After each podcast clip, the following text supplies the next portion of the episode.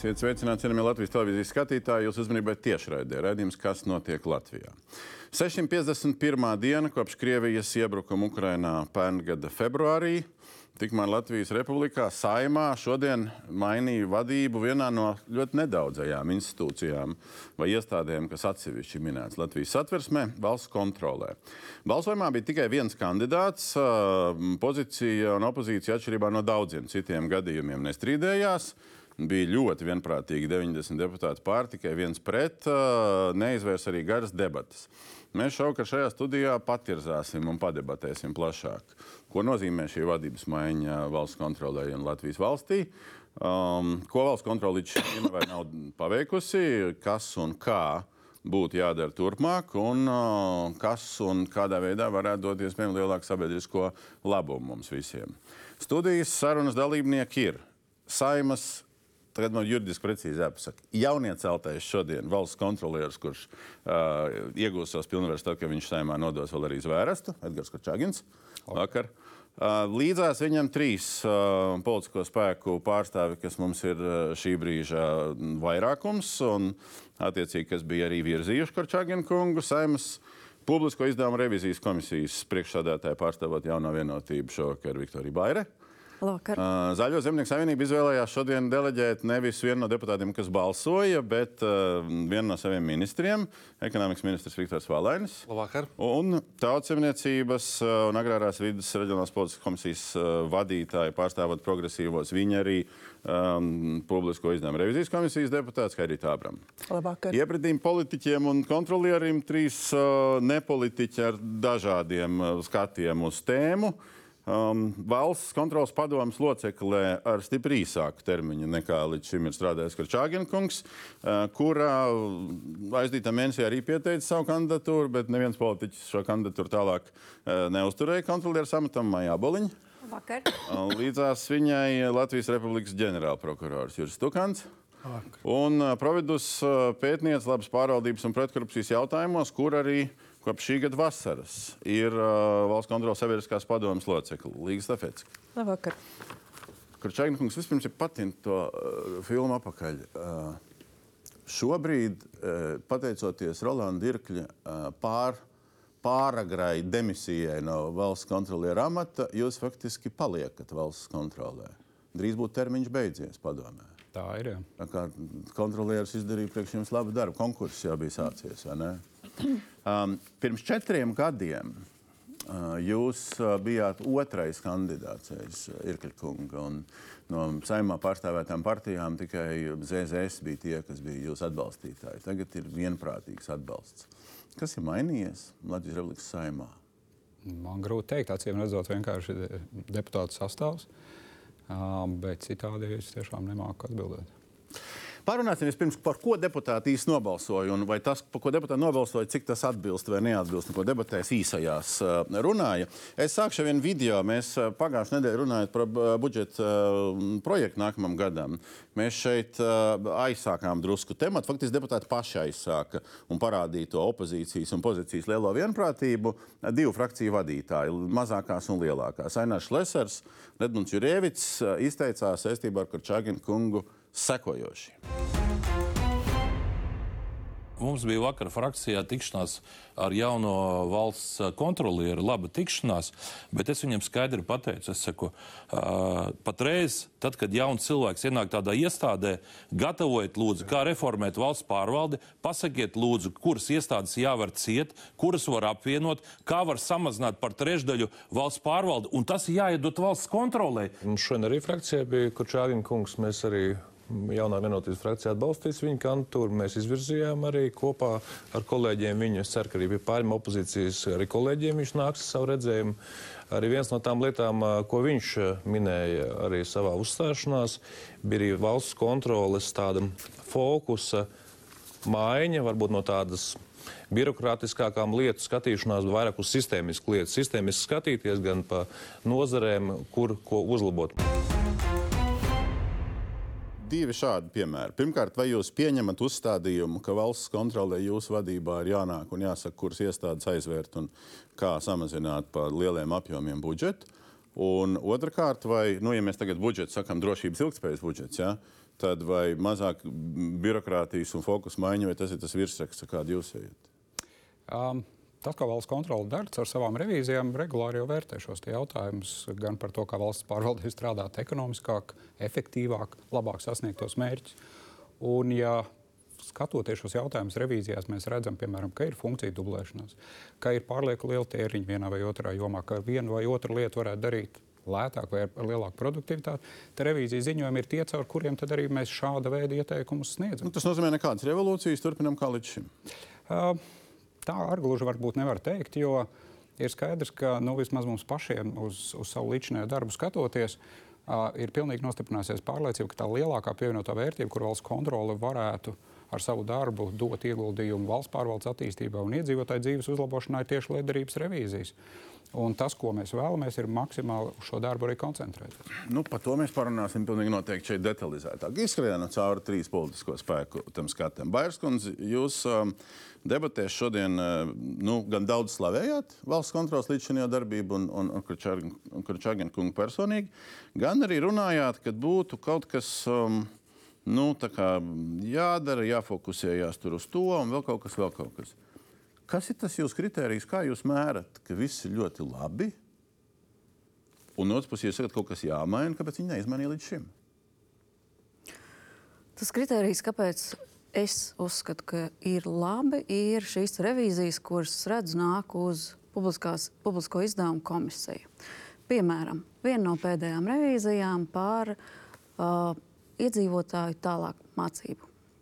Tur Abonijas vadītāja. Jā, jā, jā var vienīgi uzslavēt.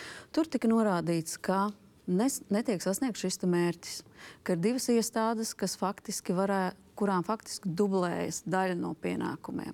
Tur tika norādīts, ka uh, jāizveido šī kopīgā padome, kas lemj par mērķprogrammām, kas vērtē darba tirgus vajadzību. Viss šis ir diezgan jau konkrēti mērķi un uh, arī redzams rezultāts. Tāpēc, ka zem ministra kabineta uh, vadītājs Evika Siliņas kundze tika radīts cilvēku kapitāla attīstības padome, kas jau nākamā gada pirmajos trīs mēnešos nāk ar ziņojumu. Labi, jums komisijā patīk, kā valsts kontrole strādā. Vienlaicīgi jūs šodien sakat, ka jums patīk arī Korčāgina kunga teiktais, ka nepieciešams vairāk uz liederību fokusēties, vairāk uz rezultātiem, nevis procesu. A, kāpēc viņi līdz šim to nedarīja? To es domāju, mēs varētu Irkļa kungam paprasīt, bet A, viņi jā, arī ir. Kolēģiāli iestādi, viņi padomu tur vada, nevis Irklis. Viņa nav tā kā stukāns, kas, kas tā vienpersoniski strādā. Līdz šim to nav darījusi, bet viņa ļoti sistemātiski virzās uz to. Tās pašas liederības revīzijas. Ja agrāk viņas nebija tik daudz, tad tāda viņas ir 50% no viņu darba. Tas nozīmē, ka viņi virzās uz šo mērķi pēc iespējas vairāk veikt šīs lielās būtiskās revīzijas, kas dod tādu padomdevēja lomu valsts iestādēm, kas tur iesaistītas. ZZS līdzīgi, atšķirīgi vērtē. Nu, mums ir um, svarīgi, lai atbildīgos amatos nonāk profesionāļi un cilvēki, kuriem ir nepieciešamās kompetences, lai ieņem šos amatus. Ja mēs uh, skatāmies, tad uh, pēdējā pusgada laikā ar saimnes balsojumiem mums tiešām ir izdevies uh, iesaistīties un panākt jau vairākas amatpersonas, un, kas izpilda šos kritērijus, un Karčāgina kungs ir viens no tiem. Un mēs zinām, par ko mēs balsojām, jo nav tā, ka mēs Karčāgina kungu iepazīstam tikai vakardien. Mēs jā, viņu pazīstam vienīgā, jau, viņu. Mēs viņu jau pazīstam astoņus gadus. Uh, mums ir bijušas dažādi līmeņi sadarbības. Uh, Karčāgina kungs ir atbildējis par pašvaldības sektoru, kas ZSM nav jautājumu. Mums pašvaldības ir uh, ļoti cieša sadarbība pašvaldībā. Mums ir bijusi sadarbība gan uh, konkrētās revīzijās, gan arī mēs esam rosinājuši dažādus jautājumus eh, vērtēt, kas ir ticis darīts un pacelt dienas kārtībā smagi jautājumi, kuriem ir tālāk risinājumi. Ilgi, ilgi pieredze, tas nozīmē, ka Šāboliņš kundze mazāk zina, uh, tāpēc viņš sliktāk. Nu, katram ir uh, savs vērtējums. Es domāju, Aboliņš kundze arī ir izcila profesionāli, tāpēc viņi ieņem šo amatu. Tāpat sājām balsoja, un arī mēs par viņu balsojām. Tā kā, nu, tas jau, tas jau nemaina. Galvenais šobrīd uz valsts kontrolieru amatu mēs uh, izvēlējāmies profesionāli, ar ko mums ir bijusi konstruktīva sadarbība. Mēs ticam, ka uh, Kračāgam kungam piemīt visas nepieciešamās zināšanas, lai šo darbu uh, godam pildītu. Progresīvie apskatīja abus kandidātus. Jā. Un kas bija jūsu kritēriji un cik lielā mērā līdzīgi vai atšķirīgi? Pirmkārt, es gribu pateikt, ka nu, tas, ko es arī šodien teicu, tas bija nevis tāda politiska runa, vairāk profesionāla, jo es esmu e, ar valsts kontroli, man iestāde konkurences padomu bijusi iestāde, sadarbojusies ļoti cieši. Ja mums bija divas valsts iestādes, ar kurām bijusi ciešākā sadarbība, knāpstie karteļi, kur, teiksim, korupcija karteļi, un valsts kontrole tieši publisko personu iesaiste komercdarbībā, visas tās nelikumības, konkurences neutralitāte. Un tieši ar Korčāginu kungu es arī ļoti, ļoti cieši sadarbojos, jo tā bija viena no tēmām, ko es arī kā vadītāja bija uzņemsies. Un jāsaka tā, ka valsts kontrole arī vērojot no 2012. Gada, kad es sāku vadīt e, konkurences padomu, principā visi vadītāji bijuši ļoti spēcīgi. Jā. Sākot jau ar Sudrabas kundzi, tad Krūmiņas kundze, ar Irkļa kungu es mazāk strādāju, bet es dzirdēju publisko izdevumu revīzijas komisijā valsts kontrolas ziņojumus. Un, e, principā, arī valsts kontrolē visi padomus locekļi ļoti spēcīgi, jo katru reizi nāca kāds un stāstīja par savu tematu. Kāpēc es balsoju arī par e, Korčāginu kungu? Nu, tā tad pirmkārt tā sadarbība, profesionālā pieredze, e, profesionāls, kas tieši caur šo publisku personu iesaisti. Un e, reāli es esmu redzējis, kā strādā darbā, bet katrā ziņā es arī tikai atzinīgus vārdus varu teikt arī pa māju, arī šī pati revīzija, ko tikko minēja Viktorija, jā, tātad pieaugušo tālāk izglītību, bet tiešām iestādi ir spēcīgi. Pozitīvisms šausmīgi daudz. Tagad nu, izskanēja, tagad parunājam tā, pieredze, tā reāli un papreparējam kaut kādus konkrētus faktus, vai viss ir tik labi, kā, kā izskatās. Nu, vispirms, Alēns, protams, ir jārespektē saimnes izvēle viennozīmīgi, vai ne? Bet tomēr, nu, caur to, ka jūs pieteicāt to savu kandidatūru, uh, nu, tad kaut ko jūs domājat citādāk nekā uh, jūsu kolēģis. Kas ir tā esence? Nu, ja, ja šobrīd izskan turpināt tā, kā bija, jo tiešām liederības revīzija fokus nav jauns. Tas ir uh, kopš mēs pie, pieņēmām jauno stratēģiju koleģiālajā sastāvā, Irkļa kungu vadībā. Mums ir bijis fokus iet liederības revīzijās. Uh, skatīties, kur dublējās funkcijas vai kur var ieekonomēt naudu ar fokusu uz ekonomiskumu vai produktivitāti, kā mēs to saucam revidentu valodā. Tas ir mūsu strateģiskais uzdevums. Es pilnībā pievienojos, ka tā ir valsts kontrolas unikālā loma valsts, visā valsts pārvaldē, publiskajā sektorā šādus jautājumus risināt. Neviens cits mūsu vietā to nevar darīt. Bet, tu jābūt bet kaut um, kur jā, jā, es iznācu ar savu programmu un piedāvājumu par to, ko es gribētu mainīt. Un tas, protams, nozīmē to, ka es šobrīd redzu, ka tas tā īsti nenotiek. Un tas, ko es gribētu mainīt un sasaucās ar um, valsts kontrolē veikto starptautisko novērtējumu pirms gada, ir, ka valsts kontrole savās revīziju metodēs uh, ir uh, piedzīvojis ļoti lielu attīstību. Mēs šogad svinējām simts gadi, un pēdējos nu, desmit gados, un droši vien arī vairāk, šī attīstība ir notikusi.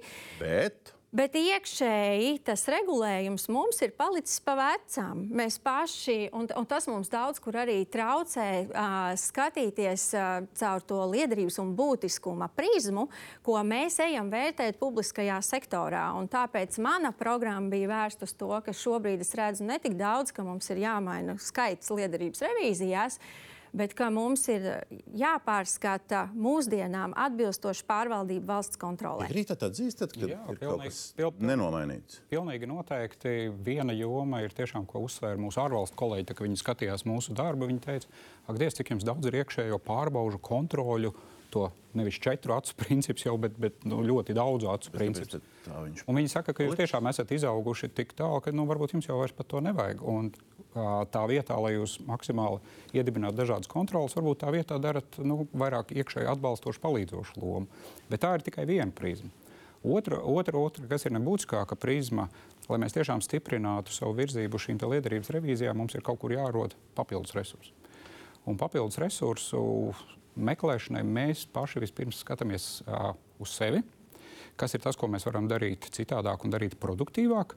Un, uh, tas, tas virziens, ko mēs skaidri iezīmējam paši priekš sevis, ir uh, resursu pārlikšana no finanšu revīzijām uz liederības. Jā, bet, bet pabeidzot to, to Jā. uz apakaļ skatījumu, tad kāpēc tad tas nebija pirms tam? Kāpēc bija jāatbrauc kaut kādiem onkuļiem un tantiem no ārzemēm, kas pateiks priekšā, ka jūs te pa daudz kaut ko darat? Ir lietas, kas tiek pilnveidotas gadu no gada, bet uh, ir labi tieši tāpat kā valsts kontrole uz kādām lietām paskatās no malas. Ir labi, ka arī kāds pakontrolē valsts kontroli un paskatās uz valsts kontroli no malas. Un kas tad to labāk izdarīs, ja ne mūsu kolēģi? Prokuratūra, nu, es nezinu, vai no malas to var teikt, bet prokuratūra skatās uz valsts kontroli, reiz pa reizē kaut ko saņem, un, un reiz pa reizē ar to iet dažādi. Tā skaitā līdztiesai vai nelīdztiesai, vai kā iet tiesās. Uh, nu, iepratīm šim visam superpozitīvajam novērtējumam līdzīgs kaut kas atšķirīgs. Es varbūt gribētu atgādināt, kas ir rakstīts likumā. Kāds ir valsts kontrolas mērķis un ko gaida sabiedrība un ko gaidām mēs. Un tas ir varbūt pat vienīgais, ko mēs arī gaidām. Un tur mērķis ir tikai viens. Valsts kontrolē ir pienākums nodrošināt un kontrolēt, lai valsts nauda ir izmantota tiesiski, ekonomiski un tā tālāk. Liederīgi, efektīvi. Jā. Jā, līdz ar to tātad, mana izpratne tomēr, un tā ir vienīgā, pareizi kolēģi norādīja, viņi ir vienīgi, nav cita. Viņiem ir jādomā un jāatrod līdzekļi, metodes, lai, kā tas varbūt arī bija vismaz Sudrabas kundzes laika, es atceros, es skatījos eh, televīzē, un man tiešām likās, ka nu, daudz kas mainās, un pēc eh, jēguma tiek eh, veikts šis pārbaudes, lai mēs varētu saņemt konkrētu, skaidru, viennozīmīgu atbildi, ka valsts nauda ir izmantota tiesiski. Punkts. Vai otrādi ir pārkāpumi, un tad gan nosūta mums, un mēs tad izvērtējam atbildības pakāpi. Varbūt tiesiski, bet neefektīvi. E, tieši tā, bet vārds tiesisks ir e, pirmā vietā, ja mēs lasām mērķi, bet redziet em, šo efektivitāti. Tas ir daudz sarežģītāk, bet tajā pašā laikā par šo efektivitāti arī atbild katras institūcijas vadītājs un katra institūcija. Bet mums problēma ir ar to, vai tiešām visas institūcijas vienādi izprot šo tiesiskumu, liederīgumu un efektivitāti. Un šeit valsts kontrole jābūt tai, kurai jānosaka šie principi, jānosaka šie eh, rādītāji, pēc kuriem tad attiecīgi pārējiem nu, būtu jāizdomā. Jūs ar valsts kontroli vienādi redzat tiesiskumu? Uh, Es domāju, ka vismaz šobrīd mēs redzam eh, vienoti, jo es tieši paprasīju, mums ir izveidota specializēta prokuratūra, prokuratūras virsprokuroram, un viņš man rakstiski tieši arī uzrakstīja, jo es aicinu varbūt viņu nākt. Viņš tieši arī uzrakstīja un ap, apliecināja, ka šobrīd šie mērķi izpratne un vērtējumi mums saskan. Mēs esam izveidojuši arī sadarbības mehānismu, un viss neskaidrs vai jautājumi tiek apspriesti saulaicīgi, lai attiecīgi paveiktais darbs dotu rezultātu. Labi, uh, no sabiedrības, Tugan kunga pieminēto sabiedrības interešu viedokļa. Nu, kā jūs šobrīd mērat, vai sabiedrība iegūst to, ko viņai pienākās, vai neiegūst, vai kura vadītāja laikos, kas ir bijis labāk, sliktāk? Es patiesībā sakot, gribēju pieskarties jautājumam, eh, ar ko jūs sākāt, ir par vispār par atlases procesu. Šis bija tik netipisks gadījums, kur bija viens kandidāts, ko izvirza politiķi, un kandidāti, kas pati pieteicās.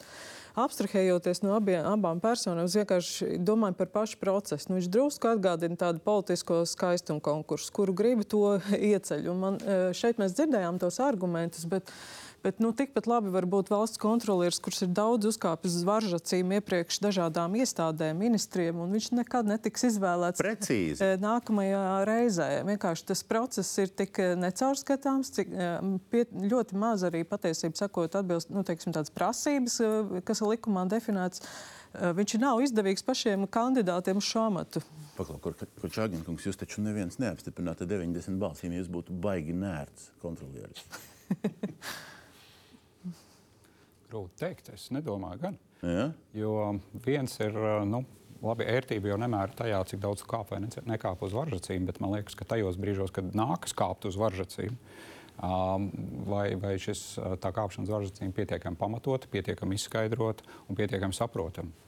Deputātes un uh, ministra, ko jūs atbildat par šo tēmu, par procedūru? Ziniet, ā, pa procedūru ir baigi interesanti vispār palasīt, ka valsts kontrole simts gadu atpakaļ ka radās un ā, kāda bija tās tradīcijas tajā laikā.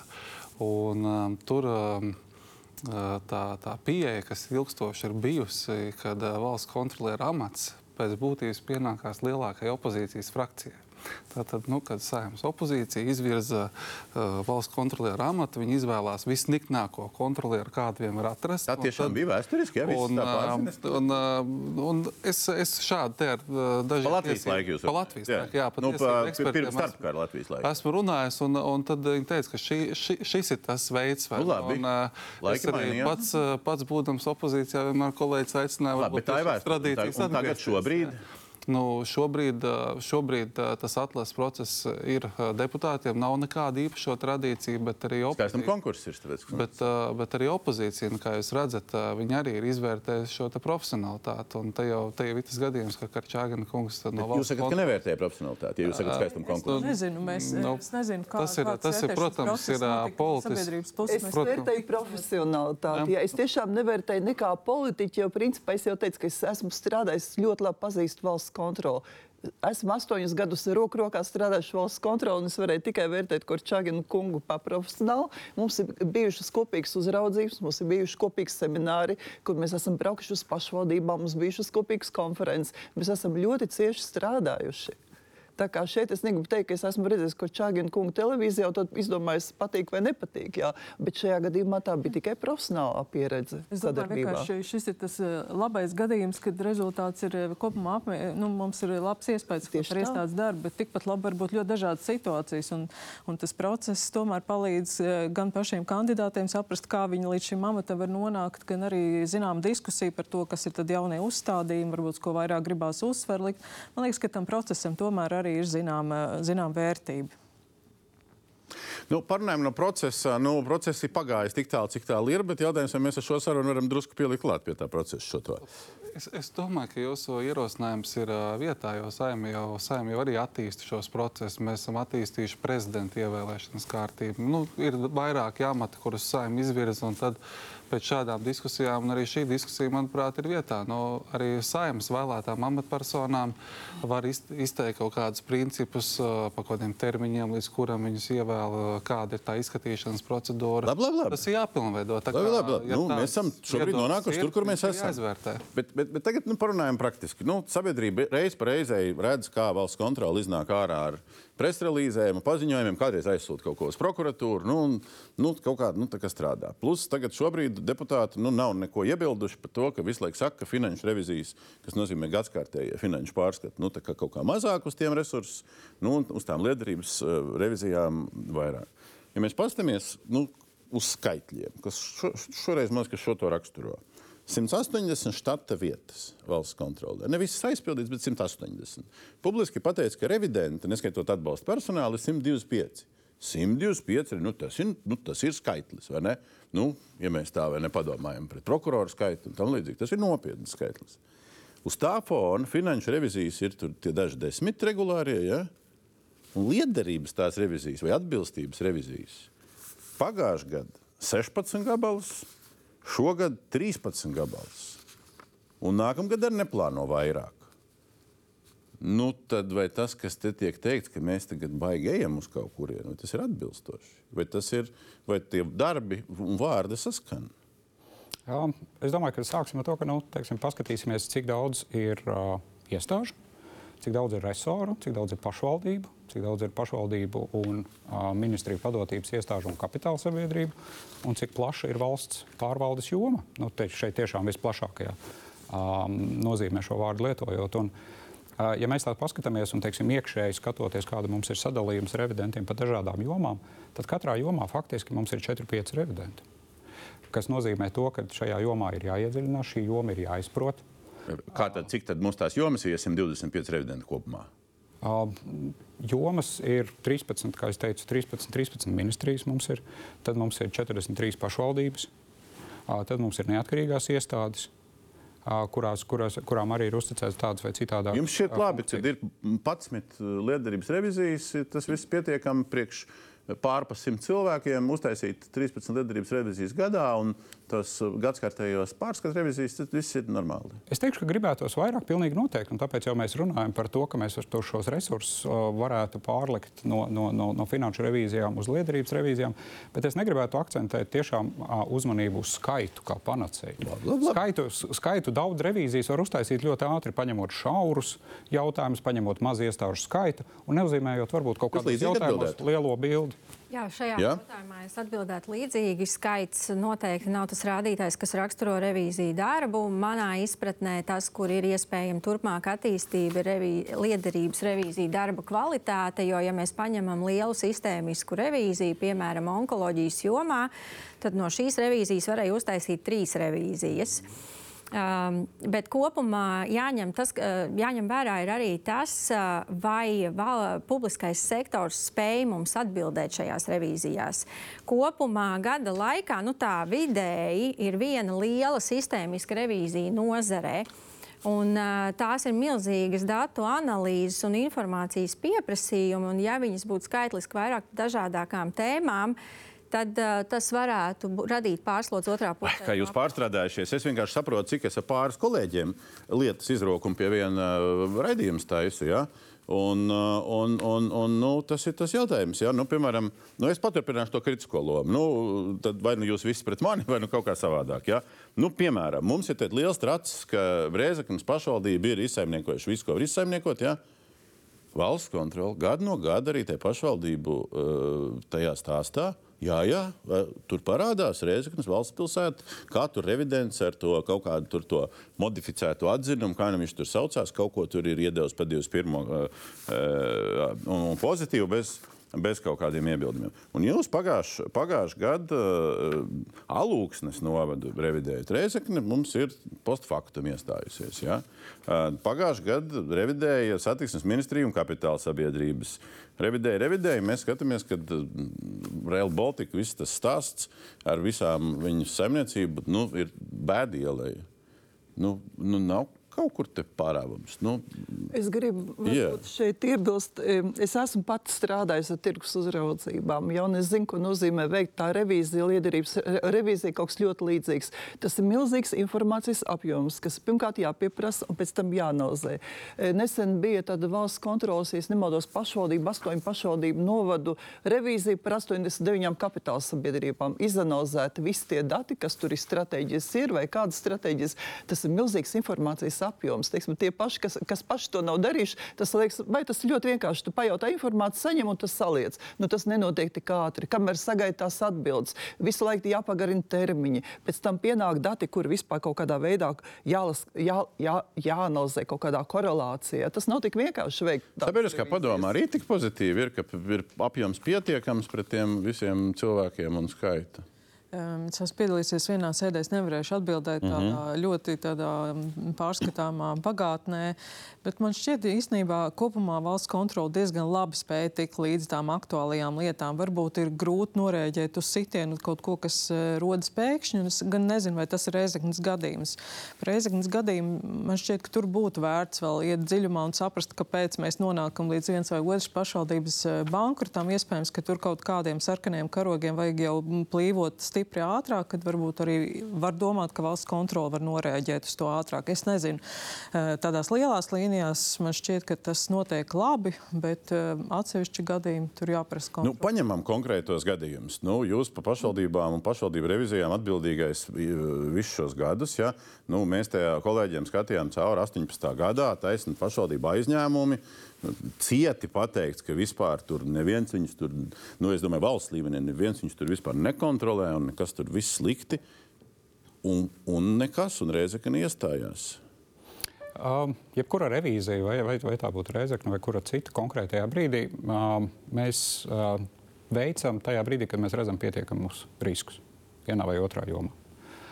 Uh, un uh, tos to riskus, kur mēs viņus iegūstam, mēs iegūstam pirmkārt analizējot paši uh, finanšu informāciju vienā vai otrā jomā, analizējot iepriekšējo revīziju rezultātus, analizējot kontrolējošo citu iestāžu mums sniegto informāciju, kur mēs aptaujājam regulāri.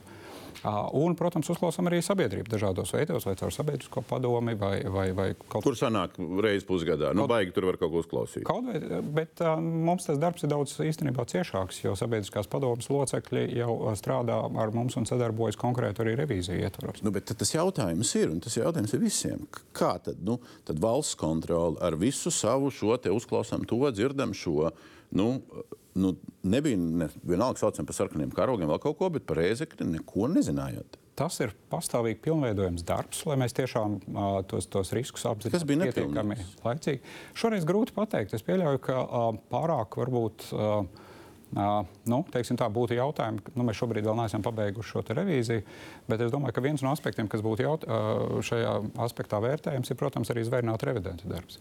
Jo valsts kontrole pati finanšu revīzijas pašvaldībās neveic jau krietni sen. Mēs šeit paļaujamies uz zvērnātu revidentu darbu. Jā, arī vēsturiski mēs esam konstatējuši tādus vai citādākus trūkumus zvērnātu revidentu darbā. Un šobrīd jau tieši Reizeknas pašvaldībā skatoties šos divus jautājumus, gan kā ir budžeta veidošana notiek un kāds ir patiesais saistība apmērs, tie ir jautājumi, tie, kas būtu tiešām um, zvērnāta revidenta kompetenci jautājumi. Jūs šo situāciju ar vērtējat pozitīvi, ka viss ir bijis kārtībā un sarkanie karogi nav bijuši un viss normāli? Nē, tāpēc arī ir ieteikums arī no Korčāgina kunga pārunājot, ka tiek uh, nevis darbības lūgtas, bet rezultāts.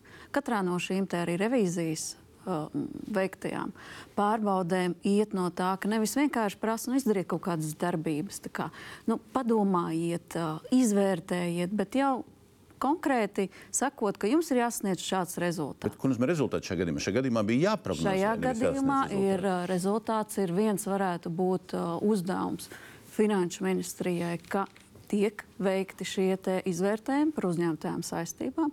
Otrs, tas ir darbs no otras puses arī Latvijas pašvaldības savienība, kas vienmēr, piedodiet, ļoti bet, agresīvi saka, bet, bet tad ātri, bet tad ātri iztiesājam, jā, bet, bez pārsūdzības. Jā. Ir, ir divi varianti tieši. Vai nu valsts kontrole, kur Čāgina kunga personā kaut ko neizdarīja, vai finanšu ministrija Reiru un Našarādina personā. Citu vainīgotu nevar būt. Varbūt pašvaldība nepateiks. Šī gadījumā pašvaldība, es domāju, ka pat daļu no informācijas slēpj, jo viņai ir jāplāno. Paša valdība, pašai pašvaldībai arī Jūs ir. Jūs gribat teikt, ka revidenti kontroli un finanšu ministrija nevar to slēpšanu atmaskot? Nu, pat bez prokuroriem. Revidenti var. Revidenti var, tāpēc, ka Čāgina kungs arī saka, ka katru gadu katra pašvaldība pērk sev revidents. Tad piedodiet man, ko tas revidents tur ir darījis. Tad ir jāskatās, ka tur ir varbūt sagrozīti fakti vai slēpta informācija. Man ir grūti pateikt. Bet nu, tas izlīdis ir tagad. Acīm redzot, kāds nav līdz galam to ir skatījies. Kāda pašvaldība. Bet, ko es gribu pateikt? Valsts kontrole manā skatījumā ir ļoti plašā vispār perimetrā, daudzās nozarēs, bet viņi nevar būt vienlaicīgi visur. Un tur ir noteikti kaut kāda selektivitāte, kā tiek izvēlēta revidējumās vienības objekti. Ja? Mēs nevaram tagad pārmest par to, kas ir noticis Reizeknē, bet vēl kādā pašvaldībā kaut kas ir noticis, kur vienkārši kas nebija kaut kādā plānā ietverts un kur ir dati slēpti. Ja? Nu, tur man liekas, ka valsts kontrole nav pelnījis šādus pārmetumus. Bet vai eh, nu, no žurnālistiem, eh, diemžēl, kritiku ir pelnījuši visi? Tad var atbildēt, ja tie žurnālisti neargumentē. Uh, nu, ja jūs sakat tā, tad no otras puses tas jautājums ir selektīva pieeja.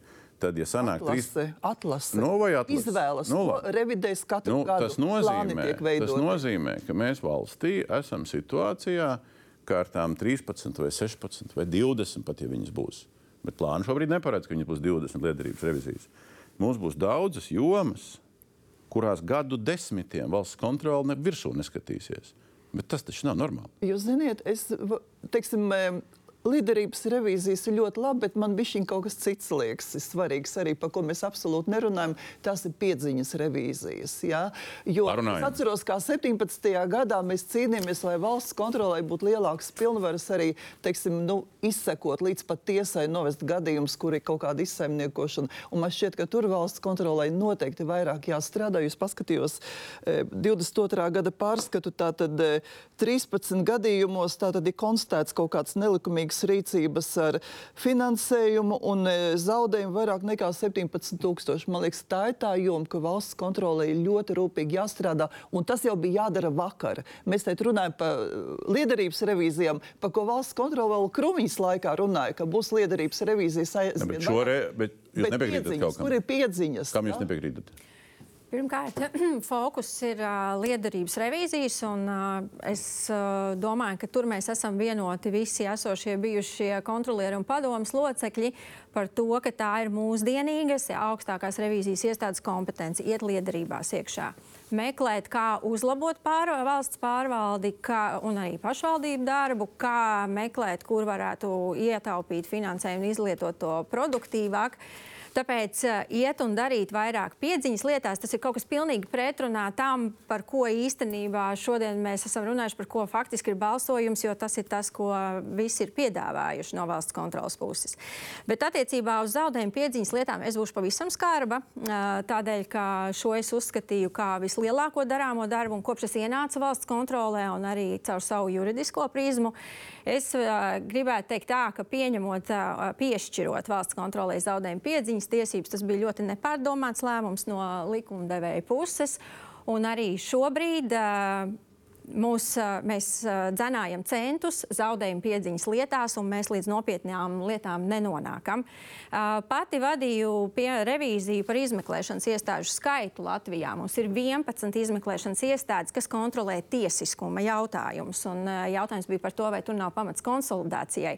Valstī nevajag 13. To izmeklēšanas iestādi, kas vērtē noziegumus. Valstī ir vajadzīga tieši revīzijas iestāde, kas veic liederību drošības revīzijas, un tajos brīžos, kad mēs redzam kaut kādas pirmšķietams pazīmes, ka tur varētu būt noziedzīgi nodarījumi, ir atbildīgās institūcijas, kurām mēs ziņojam. Vēlēšais Tugāna kungs pasmaidīja vai pasmīnējies, nezinu, nu, te, nu, te nu mēs pienākam atkal jūsu uzraudzības lokam ļoti tuvu. Šī, šī, vai jūs piekrītat tam, ka šī piedziņas funkcija ir, ir, ir laba vai slikta? Es gan tā neteiktu, ka tas bija nepareizi. To mēs jo, cīnījāmies tur kopā. Ilgstoši tas tiešām gadiem tika runāts, jā. un šī funkcija ir piešķirta, tas nav nekas slikts. Bet, mm. ja mēs runājam par to pašu izmeklēšanas iestāžu revīziju, nu, es gaidīju daudz, daudz kaut ko citu. A, ko mēs saņēmām? Neko nesaņēmām. Saņēmām to, ka Nu, 11, varbūt nemaz nav tik daudz. Katrs kaut ko dara. Un uh, valdība un nozadzības novēršanas padome pateica, nu kā, re, kur kontrola pateica, arī ar 11 ir normāli. Nav normāli. Nu, tas ir pat daudz, tas ir neefektīvi. Un tāpēc um, redziet, ko mēs saprotam ar lietderības revīzijām. Nu, jā, nezinu, kurš tur veica tas izmeklēšanas iestāžu izvērtējumu. Uh, piedošanu, tad varbūt es varētu izvērtēt valsts kontrolas struktūru un status un efektivitāti. Tad, eh, kuram ir tur kompetence tādā aspektā, runājot par specifiskām lietām. Un tad vēlreiz saku, tas saturs, lietderības revīzija. Man būtu forši saņemt atbildi, ja mēs runājam par to pašu mm, izmeklēšanu iestādēm, cik efektīvi Latvija ir katrs eiro ir izmantots katrai izmeklēšanas iestādē. Tas gan būtu ļoti interesanti. Bet tādas atbildes tur nav. Un, manuprāt, aiziet uz šiem lietderību, tad mēs gribam pateikt, nu, tā kā es šobrīd to dzirdu, ka tagad ir 150 cilvēki, tagad, kuri tagad pateiks. Vajag tik daudz iestādes, vajag tik maz iestāžu, šeit vajag darīt tā vai darīt tā.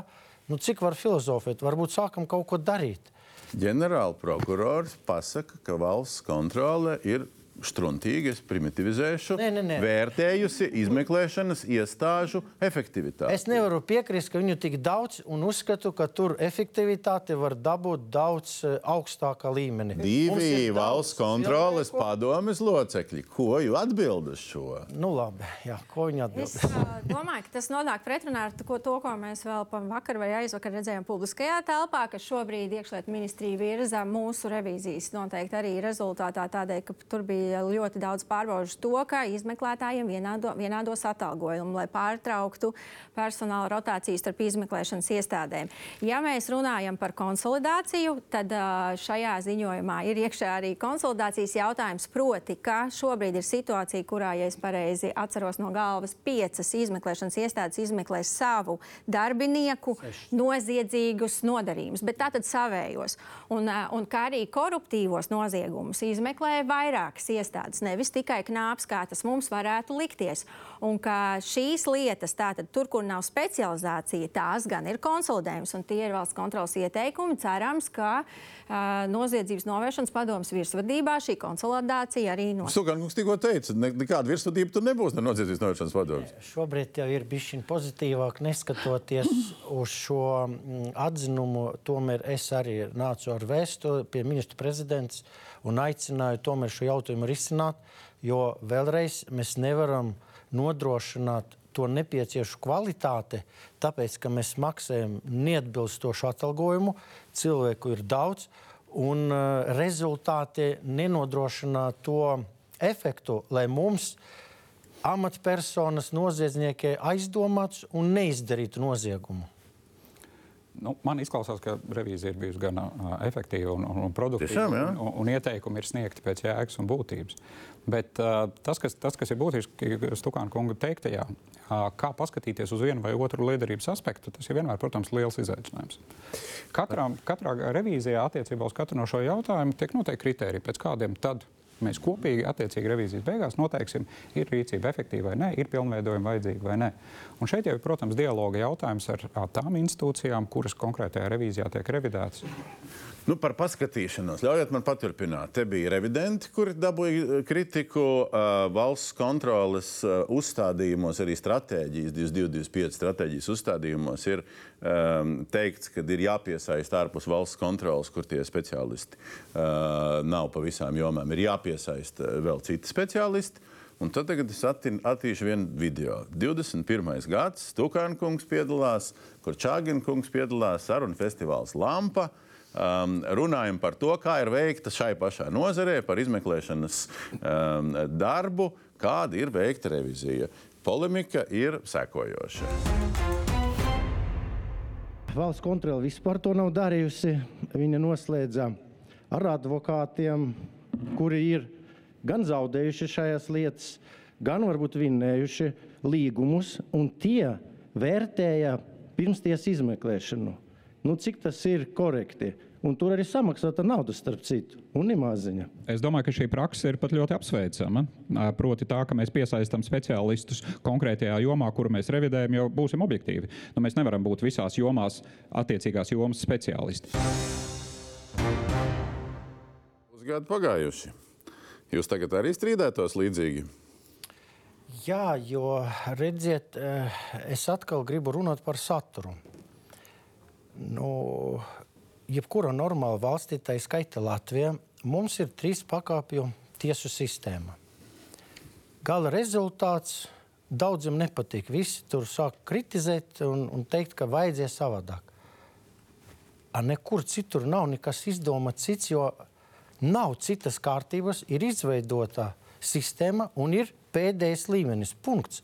Nav ceturtas, piektas un tā tālāk. Nav cita varianta ir jānodrošina, lai šī sistēma izpilda savu uzdevumu. Un tagad paņem no malas kādu no dalībniekiem, kurš ir kāda posma, un viņš būs tas gēnijs, kurš tagad palasīs un pateiks, nē, ziniet, tur vēl vajadzēja vēl kaut ko izdarīt, vai tur nevajadzēja kaut ko darīt. Un tad man uzreiz ļoti vienkāršs piedāvājums atnāc un izdarīja kaut ko, un tad mēs pavērtēsim. Šeit es pilnībā piekrītu, ko izdarīja valsts kontrole saistībā ar prokuratūras uh, reviziju, kad es atnācu un saņēmu atzinumu, piesaistīja OECD ekspertus. No citām valstīm, manuprāt, seši bija bijuši prokurori un arī, manuprāt, pat uh, ģenerāli prokurori citu valstu. Viņi vērtēja attiecīgi prokuratūras sistēmu un procesus. Bet tā, tā bija mēs, otra revizija. Tā bija, tā bija jā, jā. otra cita. Un tā mēs pilnībā piekrītu. Nevis tagad atnāk advokāts uh, un vērtēs visos līmeņos pārbaudītu krimināla lietas faktiskos un juridiskus apstākļus, un dos kaut kādu atzinumu. A, kur viņu likt? Ko ar viņu darīt? Paldies. Un tagad ir tas jautājums. Jūs šobrīd uzturat politiku, deputāti nobalsojuši šo pašu politiku un nav iebilduši, ka pieaicināsim dažādās jomās, gan šajā, gan citā, visāda veida um, speciālistus. Nu, tad jautājums, kur ir jūsu filtrs, lai jūs nedabūtu tieši līdzīgus pretargumentus pretī?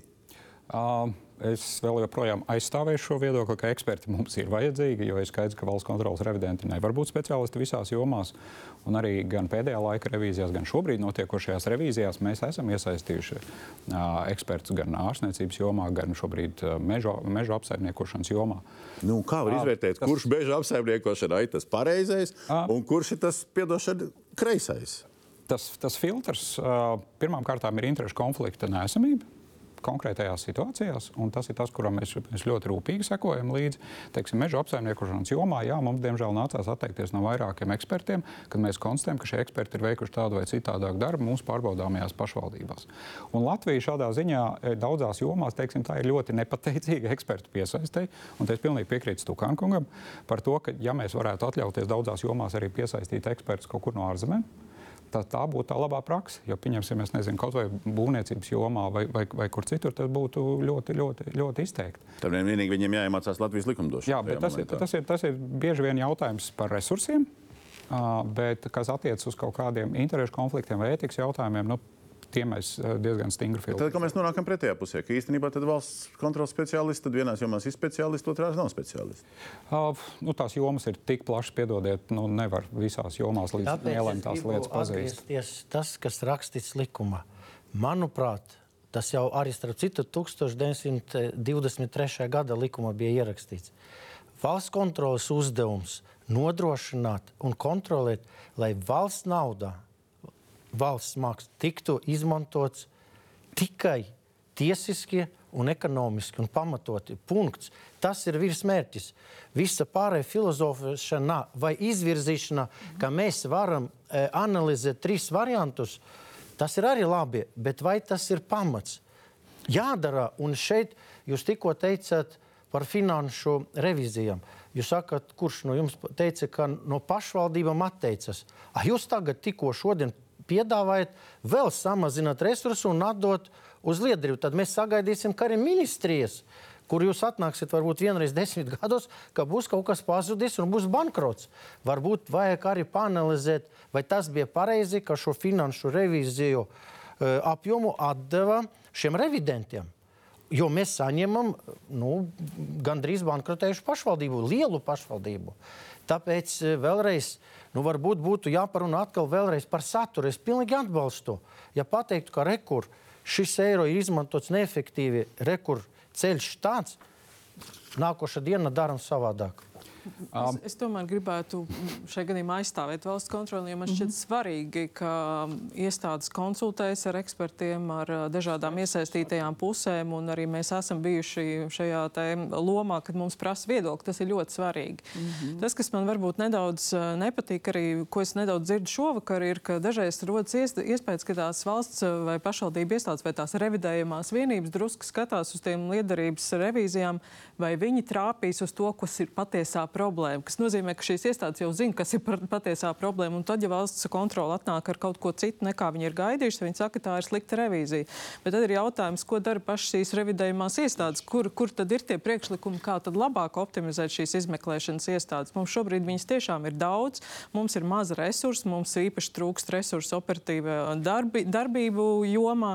Nu, tur ir virkni lietu, ko optimizēt. Mums nav jāgaida, kad valsts kontrole atnāks pateikt, un uh, jums šis ir jādara. Arī iestāžu iestāžu atbildība zināmā mērā ir eh, nu, svarīga, ļoti svarīga. Tāpēc tās revīzijas būs jēdzīgas. Nu, bet, bet paskatīsimies patiesībai acīs. Iestāžu atbildība ir atsmirkli, bet nu, tomēr nu, mums nav tā, ka valstī korupcijas indeks baigi būtiski nokritis. Un es domāju, ka Stukāna kungs no operatīviem datiem lieliski saprot, ka pēkšņi nav mums izkūpējusi gaisā korupcija.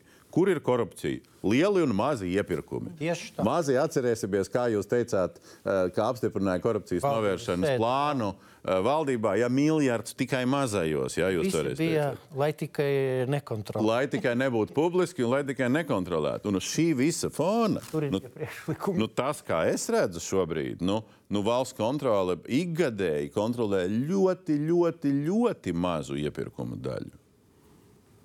kas nav īsti labi. Atkal iepirkumi. Mums ir iepirkuma uzraudzības birojas, mums ir konkurences. Ko viņš uzrauga pēc likuma? Viņš neko neuzrauga. Viņam ir Viņš uzrauga atnes pēc sūdzībām. sūdzību, Bet- jā, pa kur jāsamaksā vēl komisija. Bet es ne par to gribēju runāt. Jūs teicāt, iestāžu atbildība. Kas ir iestāžu atbildība? Aiz jebkuras finanšu līdzekļu izšķērdēšanas, mans izšķērdēšanas stāv konkrēts amatpersonas. Protams. Tas ir tas, kas vainīgs.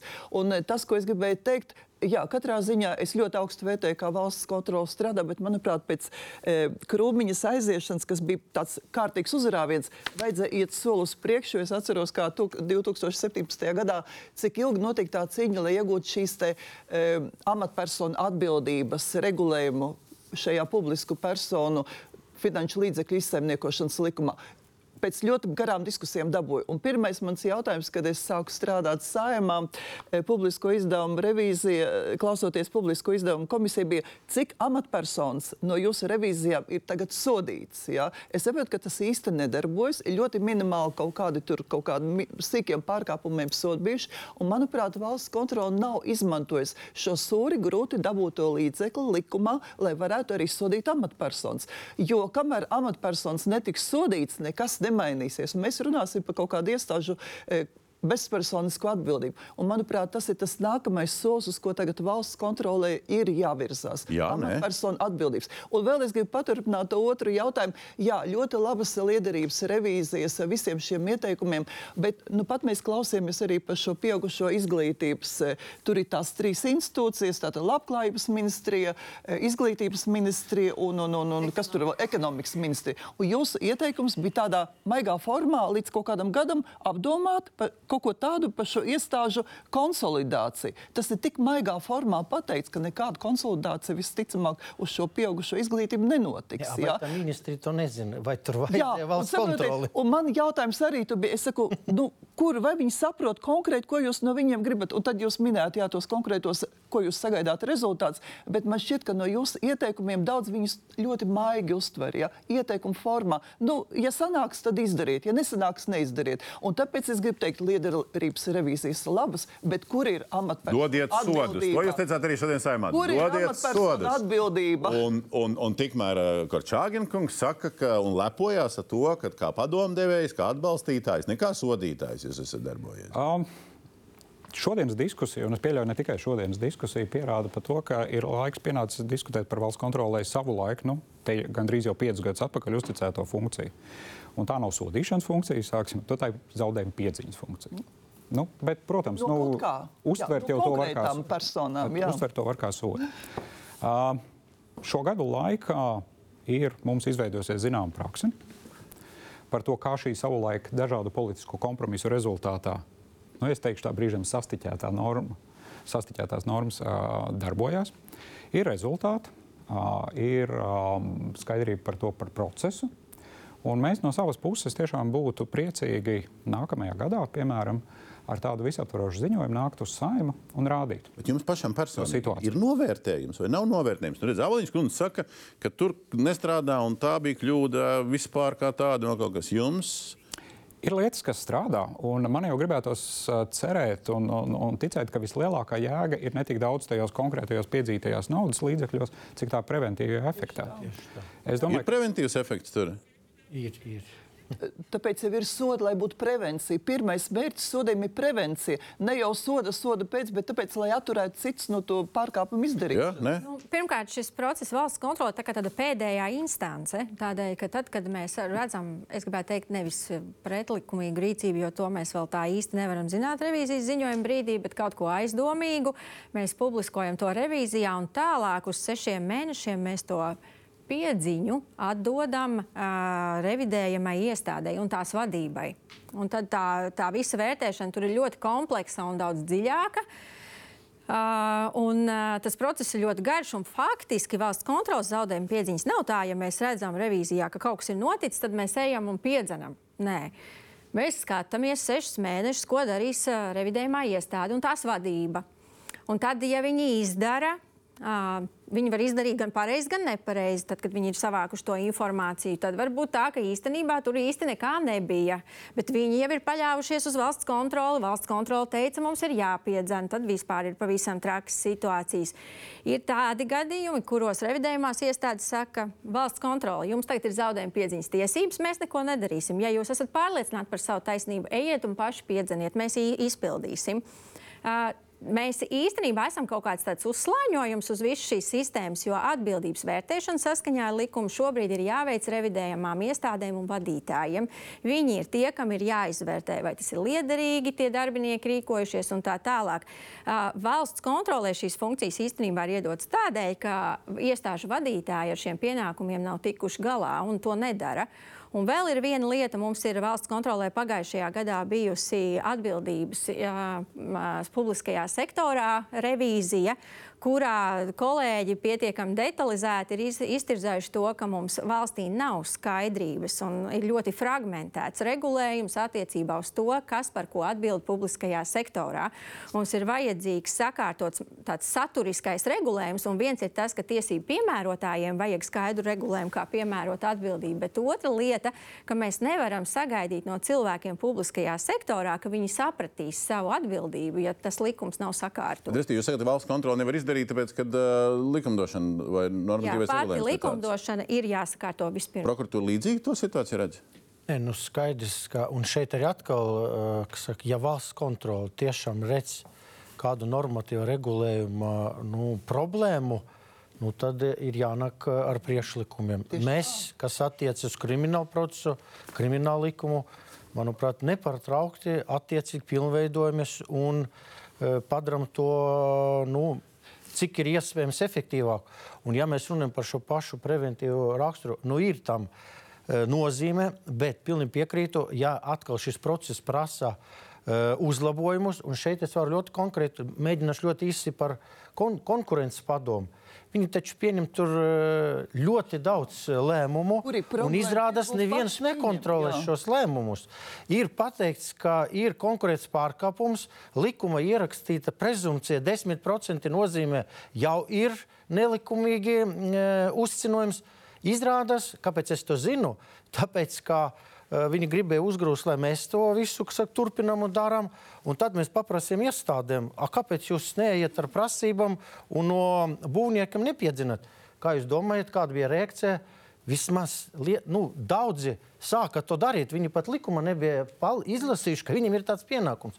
Tas pats arī šeit. Nu, vajag to iedarbināt. Pareizi jūs sakat, vajag to iedarbināt, lai iestādes saprot šo Divi būtību. Ilgāk klusējušie politiķi pie visu šī spektra, ko saka. Nu, galvenais, lai visu šo sarunu rezultātā mēs neapaugam vēl vienu tādu vēl papildus slāni, ka valsts kontrole no 180 cilvēkiem kļūst par 360 cilvēkiem, un, un ka tās revidējumās vienības arī aizsardzības pozīcija aiziet, ka viņas arī tur pieaudzē klāt štats, lai varētu komunicēt ar valsts kontroli. Un, un ir bijuši arī tādi gadījumi, kad, kad es esmu strādājis, redzējis, kad teikt, iestādes speciāli ņem darbā cilvēkus, lai profesionālāk strādātu ar valsts kontroli. Ja?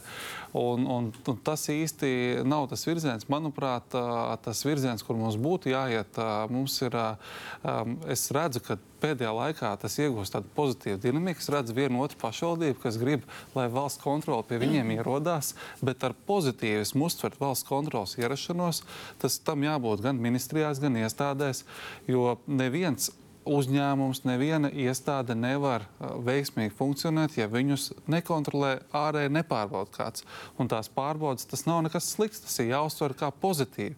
Viņi atnāk, viņi izrevidē, ko tu dari, ja es kā saimnieks strādājis tev arī var būt kādas uh, problēmas. Uh, Tad jūs sakat, ka valsts kontrolē vairāk jāiet tur pakonsultēt, nevis nē, jāmeklē, nē, kur ir tās nē, šaubīgās Domarkungs, vietas. Jūs tā pārvilkāt pilnīgi, pilnīgi citā virzienā.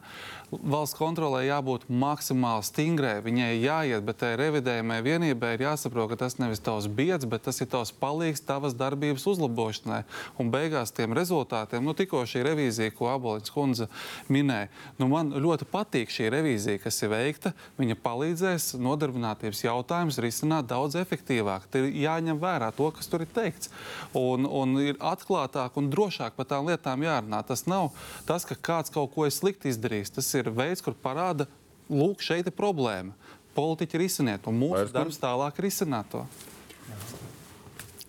Noteikti neuzskatu, ka mums vajag vēl vienu iestādi, kas to vien dara kā soda. Ļoti labi atceramies laikus, kad eh, vienīgais, ko pa valsts kontroli teica, ja viņi atnāk, tad vienīgais, ko viņa vēlas, ir kaut ko atrast, lai par kaut ko A, sūta. nevajag vēlēties atrast. Nē, atrast vajag, bet vai mums ir mērķis valsts kontrolē sodīt? Mums jau ir prokuratūra, mums ir knāba un mums vēl citas iestādes, kas visa soda.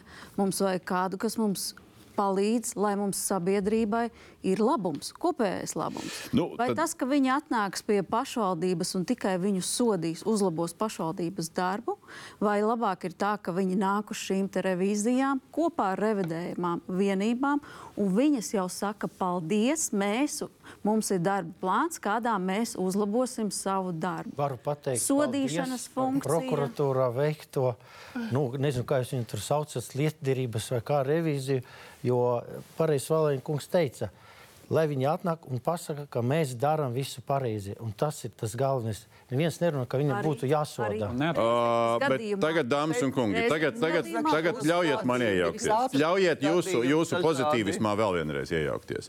Tugan kungs citēja likumu vienu pantu, es citēšu citu pantu. Ceturtais pants runā par to, ka uh, valsts kontrole ir tiesības. Tiesības uh, par normatīvu aktu projektiem, gan saimas, gan ministra kabineta. Uh, ja šie normatīvi akti var ietekmēt valsts un pašvaldību ieņēmumus un izdevumus vai paredz rīcībā valsts pašvaldību mantu, nu, tie ir praktiski nu, gandrīz visi akti, uh, kā arī fondu līdzekļus, sniegt atzinumus iepriekš. Un tagad un mēs pārprasījām, vēl tur izmocījām, šodien iedeva kaut kādus ciparus, bet neiedeva sarakstu, par ko šie atzinumi sniegti. Un tagad, ja es skatos nu, budžeta pieņemšanas saimā rīt priekšvakarā, un tagad es domāju, normatīvi akti, kur uh, 50 miljonus nemērķēti uh, mēs izsniedzam no Kur budžeta sadalījuma tīkls. Jā, protams, Jā. jo tur ir dziļa mērķēšana, tāpēc ka visi, kam ir viena vai trīs fāzes, līdz 25 ampēriem, visi saņem uh, plakani līdzīgu atbalstu. Vai šodien pieņemtais saimā uh, lēmums par to, kā mēs gandrīz visus hipotekāro kredītu saņēmējus saņemsim? No valsts kontrolas, līdzīgi kā tās revīzija virsraksti, tie skaļie, šādi atzinumi par topošām lietām, kas vēl varētu notikt, nu nav dzirdami. Simts deputāti par to atbild. ja, ja es, Jūs domājat, ja? bet šis jāsvītro ārā. Ja es drīkstu, Nē, ja es drīkstu tas pateikt, ir šī lieta ir un šī lieta ir ļoti laba. Un tā lieta arī strādā, un to mēs ikdienā darām. Vienīgi, Nav lai dzirdams. Vienīgi, lai mēs sniegtu viedokli par kaut kādu jautājumu, par kādu normatīvu aktu projektu, šīm te mūsu viedoklim jābūt balstītam revīzijas darbā. Un tas ir tas, ko mēs tiešām sekojam līdzi. Ja pēc revīzijas tiek ieviest Tikai revizijai jābūt ieteikums, iepriekš, pirms noteikuma projekta vai likuma projekta. Valsts kontrolē es noteikti negribētu, ka mēs sāktu filozofēt, piedodiet, vai jaukties politiskas izšķiršanās jautājumos. Ja mēs esam kādu jautājumu izrevidējuši un secinājuši, ka jā, šī jautājuma atrisināšanai jāmaina viens vai otrs normatīvais akts, un pēc tam jau šī rīcība seko, mēs ļoti labprāt vienmēr sniedzam atzinumu par to, vai tiešām ar šādiem grozījumiem mērķis tiks vai netiks sasniegts. Un lietderīgi sasniegts. Tur, tur, tur teiksim, paturpinot vēl to, ko jūs iepriekš minējāt, ir valstis, jā, kur uh, arī citu valstu kontrolēm ir šādas funkcijas, teiksim, veikt kaut kādu budžeta priekšanalīzi, priekšizpēti, bet tas jau ir pavisam cits funkciju apjoms. Citās valstīs, piemēram, arī valstu kontrolēm ir tā funkcija, ko mums veic fiskālās disciplīnas padome. Jā, līdz ar to tie modeļi, protams, ir dažādi. Valsts kontrolē tādai, kā viņi mums ir Latvijā, mēs balstamies uz revīziju darbu. Es patiesībā saku, domāju, šī ir laba, labs virziens, kur domāt, iespējams, nākotnē valsts kontrolē papildināt savas funkcijas. Jo tiešām mēs īpaši sabiedrībai interesētu, cik lielā mērā tas, ko pieņem teiksim, valsts budžeta, atbilst tiem visiem lielajiem strateģiskiem mērķiem. Jo to jūs vērtējat pašvaldību līmenī, bet gribētos redzēt, cik pati valsts kopumā uz viņiem virzās. Um, bet viena lieta, kur es arī tieši domāju, nākot uz šejienes, kur man gribētos lielāku valsts kontrolas lomu, arī ir, tur gan bija runa par tiesību aktu projektiem, bet arī par politikas plānošanu. Nu, piemēram, jau bēdīgs slavenais korupcijas novēršanas un apkarošanas plāns. Es tur pat tiešām būtu priecīgi bijis dzirdēt kaut vienu ie, ie, ieteikumu no valsts kontrolas, kā, teiksim, uzlabot, uh, kas būtu tāds sistēmiski risinājumi, teiksim, rīcībā ar uh, publiskiem resursiem. Varbūt tur ir nepieciešams šai plānā tomēr kādu priekšlikumu no tām revīzijām, ko jūs redzat iekļaut. Un tur es to balsi nedzirdēju. Šī ir joma, kur man šķiet, ka valsts kontrola varētu darīt vairāk. Par politikas plāniem. Stokan kungs toreiz tajā lampas diskusijā teica, ka mums te ļoti jāuzmanās, kur iestādies politikas plānošanā. Nu, Pareizi kolēģis tikko teica par to pašu runu ar satversmes tiesu, lai satversmes tiesa pirms pieņem likumu dot e, priekšizvērtējumu. Nu, kā kolēģi teica, tad nebūs 180, būs 380. Vai to arī vajag? Jo piedošanu ir Seimas juridiskais birojs, ir e, ministru kabineta arī juridiskais birojs. Un tad viņi, viņi neatbild ne par kādu tādu veidu atbilstību plāniem, politikai un visam pārējiem. Nu, varbūt ne. Es vēlreiz gribu pateikt, mēs gaidām no valsts kontrolas lieder, ne liederības, bet tieši atbilstības un likumības revīziju, ka jā, valsts nauda tiek apgūta efektīvi, tiesiski un pareizi. Punkts. Jo Bet nauda, cits to nebauda. Un, un, un, šitas, un, šitas, ir, un šitas ir interesanti. Es nocitēju pāris no pagājušā gada revizijām. Ja? Nu, es tagad pārēju tālāk uz, uz šī gada. Viens revizijas nosaukums ir, vai sabiedrības saliedētības un integrācijas politikas veidošana un īstenošana notiek koordinēti.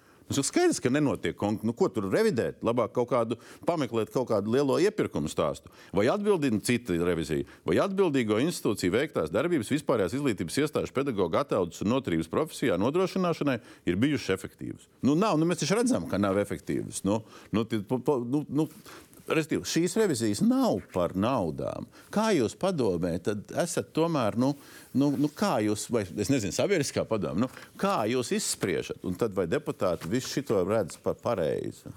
Tas, ka kādā vienā vai otrā jomā netiek sasniegts tas rezultāts, kuru mēs visi vēlētos, um, protams, tas var būt skaidrs un tas var būt redzams. Bet kāpēc tas tā notiek? Kur ir tās problēmas, uh, kas palīdzētu atrisināt, kuru novēršana palīdzētu atrisināt un šos mērķus sasniegt labāk? Tas jau būtu tas revīzijas arī uzdevums. Šīs ir tās būtiskākās lietas, kultūras un Un, izglītības jomās. Ja? un uh, katru, katru gadu veicot uh, risku analīzi, mēs, protams, skatāmies uz to, kur tie riski ir vislielākie. Uh, bet, Šie ir lielākie. uh, Ja? Padomē, vienbalsīgi nobalsojāt, šie bija lielākie. Nē, jo pilnīgi, pil, pilnīgi tik klāji to jautājumu tā nevar skatīt. Jo, ja mēs teiksim, nu, es minēšu piemēru, ja mēs paskatāmies, ka vislielākie riski mums, piemēram, nezinu, izglītībā vai veselības aprūpē, valsts kontrole nekad nevar veikt visas revīzijas, teiksim, šajā jomā mesties pilnībā, jo tad mēs pirm, pirmkārt pārslogosim attiecīgo jomu, un otrkārt pametīsim citu jomu kaut kādus riskus nozarē. Līdz ar to, protams, mēs savu darbu sadalām, mēs skatāmies uz daudzām būtiskām lietām. Un tas, ko es vēl gribēju piebilst, ir tas, ka ne jau vienmēr tiešām uh, valsts kontrole skatās tikai un vienīgi uz lietām, kas ir izmērāmas tā vai citādi naudā. Jā, tāpat. Pedagoģu izglītības noteikti, pedagogiem šo izglītības revīzijas noteikti gribētu teikt, ka tā ir ļoti augsta riska jomā, jo tā ir saistīta ar pedagoģu cilvēku resursiem. Tā ir šīs revīzijas tēma un sniegs ta- tas, ko arī mēs valsts kontrolē šobrīd sagaidām apstiprinot šo tēmu, sniegs informāciju par iemesliem. Kāpēc mēs esam tur ar pedagogiem, kur mēs esam? Vai mums problēma visiem ir zinām? Jā, ir. Jā, noteikti. Uh, un tas būs tas valsts kontrols devums. Bet, ja mēs uh, aizejam projām no liederībām un fokusējamies uz atsevišķu darījumu vai finanšu situāciju izpētēm, tad mēs, nu, kas ir liederības revīzijas? Mēs pazaudētu onkoloģijas revīziju. Mēs pazaudētu, ja mēs nepiesaistītu ekspertus, ārstus, tad mēs nebūtu pierādījuši to, ka mums kompensējamo zāļu saraksta, pēc kompensējamo zāļu saraksta var no, no visizplatītākajām 11 vēža diagnozēm atbilstoši Eiropas standartiem ārstēt pusotru diagnozi. Ā, Mēs nebūtu snieguši ieteikumus par to, kā, kā uzlabot visu komunikāciju un atgriezties. Jūs sakat, ka viss kārtībā. Jūs sakat, viss kārtībā. Nē, Deputāti es un ministri ir saka, viss liederības kārtībā. Pateikt, tam ir ļoti, vispār tās ir ļoti vērtīgas revīzijas. Tas, ko mēs dzirdam publisku izdevumu komisijā, tiešām tas ir skats, kas notiek un ļoti bieži vienkārši bēd ielēs. Es jau jautāju, vai Bet- šīs ir būtiskākās Tās ir lietas. ļoti vērtīgas, bet teiksim, tas ir atkal atgriežos pie tā, ko es gribētu redzēt. Jā, tātad eh, revi, eh, valsts kontrolē dots pilnvaras likumā, tātad vērsties arī pret tiem, kas kaut kādā veidā kaut ko zog vai neizdara, kā nāks, un tā tālāk vest, lī, novest to lietu līdz tiesai.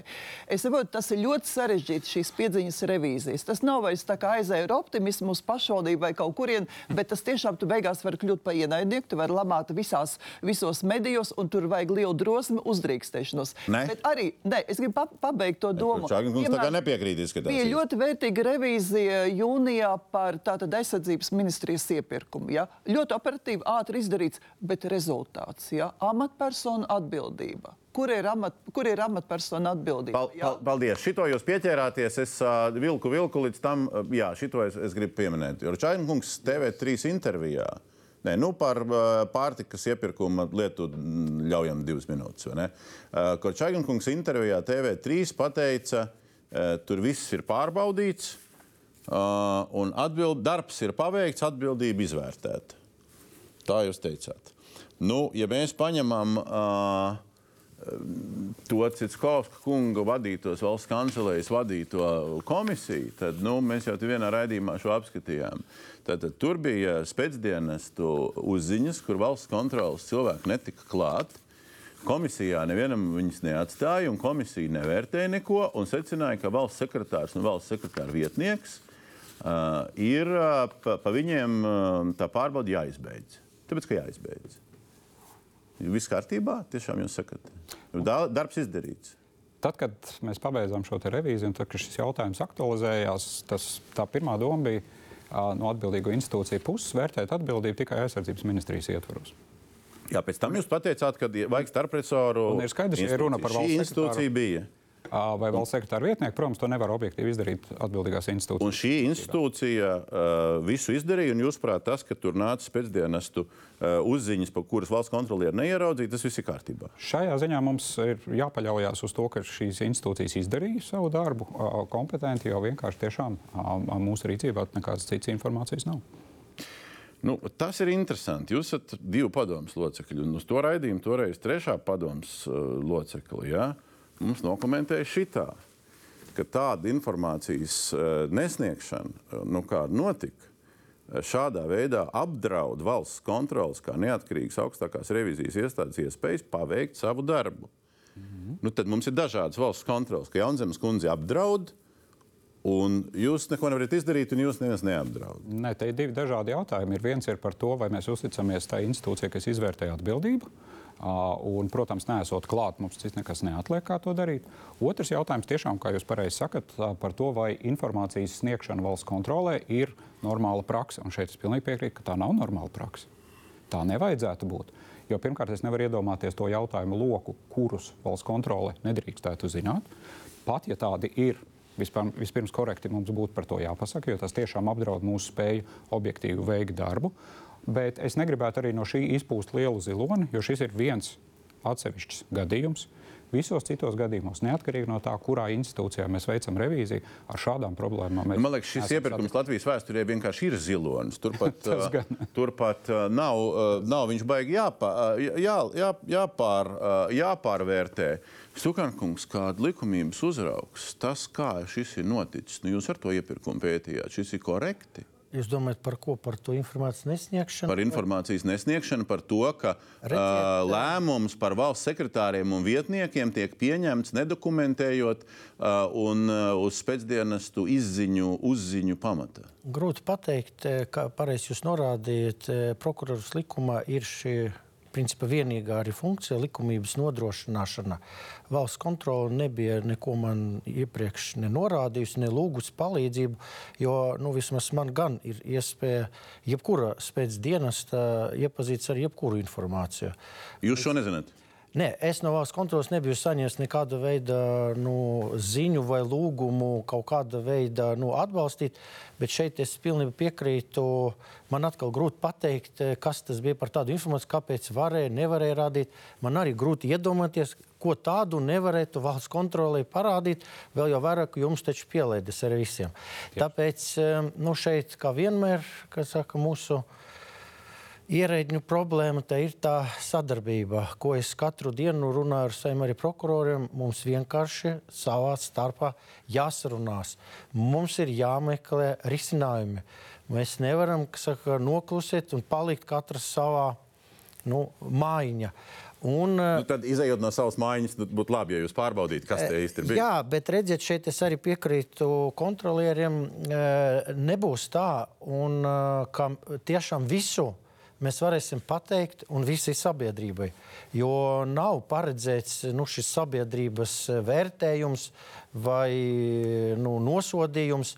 un ir noteikta veida informācija, kurai ir jāpaliek nezināmai, bet uh, nav cita varianta. Amatpersonam jāuzticas, un šeit pareizi teica, nav, nevar būt tā, ka kāds vēl cita amatpersona, četru acu princips, var atnākt un apliecināt, ka jā, tur viss ir kārtībā. Ir neliels apjoms, kas tomēr nebūs publiski nu, zināms. Jā, jā, jautājums, cik plašam lokam nepubliski. Tas Tieši tā. Labi, mēģinot virzīties uz sarunas noslēgumu. Viena lieta, ko mēs domājam par to, ko valsts kontrole darījusi, vai, vai kas viņiem būtu jādara. Otra lieta, kā mēs dodam to vidi, regulējumu, spēles noteikumus un tam līdzīgi. Attiecīgi skatoties uz likumdevēju pusi vai nu, valdības līmenī, uz MK noteikumu normatīvu aktu pieņemšanas līmenī. Ko jūs redzat par nepieciešamu vai liederīgu mainīt, ja jūs vispār redzat kaut ko mainīt? Mēs šo to pieminējām. Lai valsts kontrols tas darbs, vai nu tieši regulēt valsts kontroli, vai uh, nu, kaut kā citādāk, lai tas valsts kontrols darbs būtu vieglāks. Ko jūs redzat par nepieciešamu vai potenciāli mainīt? Lai viņš būtu vieglāks, nu, pirmkārt ir jākomunicē ar jauno vadītāju un jāsaprot arī, vai viņiem ir kaut kādi piedāvājumi. Piemēram, par tām pašām finanšu revīzijām. Ir šis piedāvājums pārvirzīt iekšēju resursu, veikt nevis 27, kas līdz šim arī nav neko tādu. Tas likumdevējiem tur nekas nav jādara. Ir jāmaina likums. Jā. Un kas jāsaka? Likumā jā, jā, jāmaina. Jāatļauj, jo, jādod pilnvarojums. Jo pienākums veikt finanšu revīzijas ikgadējās visās šajās eh, ministrijās un centrālās iestādēs, jo likumā noteikts pienākums. Jā, bet uh, ar to nevajag steigties. Jūs pazaudēsiet lielu apjomu informāciju, kuru vispār gadiem neviens nepaskatīs. Es Tukāns kungs varbūt arī vēl atbildot iepriekš uz vienu vairāk, vairāk kārt jūsu izteikto jautājumu par to likumības vērtēšanu. Neatkarīgi no tā, kādu revīziju valsts kontrole veids, nekas neatceļ valsts kontrolas pienākumu arī šajās liederības revīzijās vai kurās citās skatīties likumības jautājumus. Bet, bet tad uzturos, Tukāna kunga, to nevajag steigties. Vēl viens fragments, kur no tās pašas diskusijas pirms diviem pusgadiem, kur, kur Čāgan kungs bija tikai ar Latvijas bankas pārstāvu Kusneru par to, kā uh, nemazināt to finanšu reviziju darbu, bet optimizēt resursus. Fragments bija šāds. Mēs dzīvojam tomēr teikt, tā, 4. industriālās revolūcijas laikā, un šeit mēs daudz redzam lietas, kas ir vienkārši milzīgi datu masīvi. Sen vairs ne mākslīgais intelekts, ne attīstīts datorsistēmas nav kosmosa vai tukša muldēšana. Man liekas, ka pietiekami tuvā nākotnē liela daļa no šīs masas varētu darīt vēl viens valsts kontrolas padomas loceklis, kas būtu viena kastīte ar zilām uguntiņām. Tā ir nu, viena no lietām, par kurām mēs esam ļoti rūpīgi pētījuši jaunās stratēģijas kontekstā. Proti, cik daudz no tās obligātās daļas, kas mums finanšu revīzijās jāizdara, varētu aizstāt ar tā, kāda veida nu, kaut kādām intelektuālajām tehnoloģijām tehnoloģijām. Un jāsaka, ir iespējas. Iespējas divu pusgadu pagāja, bet vēl aizvien tas apjoms un tas resurs ir liels uz šīm revizijām. Uh, no vārdiem mēs esam pārgājuši jau pie darbiem. Ja paskatāmies uz uh, sižetā uh, minēto, mēs esam finanšu revīzijās jau ieviesuši automātiskās kontrolas paši daudzās vietās. Un tas, ko mēs esam arī darījuši, ar nākamo gadu mēs sākam pilotprojektu mākslīgā intelekta izmantošanai mūsu darbā. Labi. Atgriežoties pie tā, kas būtu no regulējuma viedokļa jāmaina vai nebūtu nekas un jāgaida, ko kontroli ierosinās. Ne, ir, ir, es domāju, jāpievērš uzmanība kontrolas padomas locekļu neatkarības stiprināšanā, lai viņi uh, drošāk pildītu savus pienākumus, lai viņiem nebūtu šīs politiskās atkarības, kas, uh, kas cits starpā vairākām institūcijām, piemēram, satveres tiesnešiem ir. Politiskā atkarība kontrolas padomas locekļiem? Kāda? Tātad, kur? Uh, nu, piemēram, satveres tiesas tiesnešiem ir. Uh, tātad uh, viņiem uh, nav jādomā par to, valsts savā ziņā garantē to, ka pēc šī pamatpienākuma pildīšanas izskatīšanas viņiem arī būs uh, iespēja pretendēt uz darbu valsts pārvaldē. Tie cilvēki ar ļoti augstām zināšanām, kas uh, šos gados iegūst ļoti lielu kompetenci valsts pārvaldē, uh, bet viņiem jābūt arī pasargātiem, lai politiķi neizvēlētos, piemēram, no nu, kādas viņiem netīkamas revīzijas bijušas, ka viņi varētu izvēlēties nu, tad, no šiem. Un kā, un kā to varētu novērst? Nu kā, nu, tieši tādu pašu regulējumu, kā šobrīd atrasties tiesnešiem, piemeklēt kaut ko līdzīgu, lai, lai tomēr šiem cilvēkiem, pabeidzot darbu valsts kontrolē, būtu prioritāra iespēja saglabāt iespēju strādāt valsts pārvaldē vai kādā ministrijā, bet tomēr, lai viņiem būtu prioritāras iespējas iestartēt kādā konkursā kaut kur. Tas, tas ir prioritāras iespējas. Tas, ir, tas ir viens no veidiem, bet, bet tas nav galvenais. Labi. Kungs iestartēja augstsprieguma tīklos. Un, jā, tas gan taisnība. Ierobežojumi nevienam nav. Protams, ka nav ierobežojumi, bet uh, es ceru, ka jūs sapratāt, ko es gribēju to teikt. Uh, otra lieta ir, protams, kas, kas manuprāt nav, bet kas ir galvenā lieta manā ieskatā, bet tas neprasa normatīvo regulējumu izmaiņas. Tas ir veicināt valsts pārvaldes sadarbību ar valsts kontroli, ko es jau minēju šajā raidījumā. Tas ir galvenais. Tā nevar būt attiecības kā attiecības pret kaut ko tādu, kas, kas viņiem raisa bailes. Tas ir, tas ir labākais palīgs valsts pārvaldes pilnveidošanai, un tam tā arī ir jābūt. Labi, tas bez normatīvā regulējuma. Jā, es gribētu vēlreiz uzsvērt, ka es ļoti augstu vērtēju valsts kontrolas darbu. Es uzskatu, ka tā ir tiešām ļoti neatkarīga institūcija, profesionāla. Tur nav nekādas. Nebija jautājums.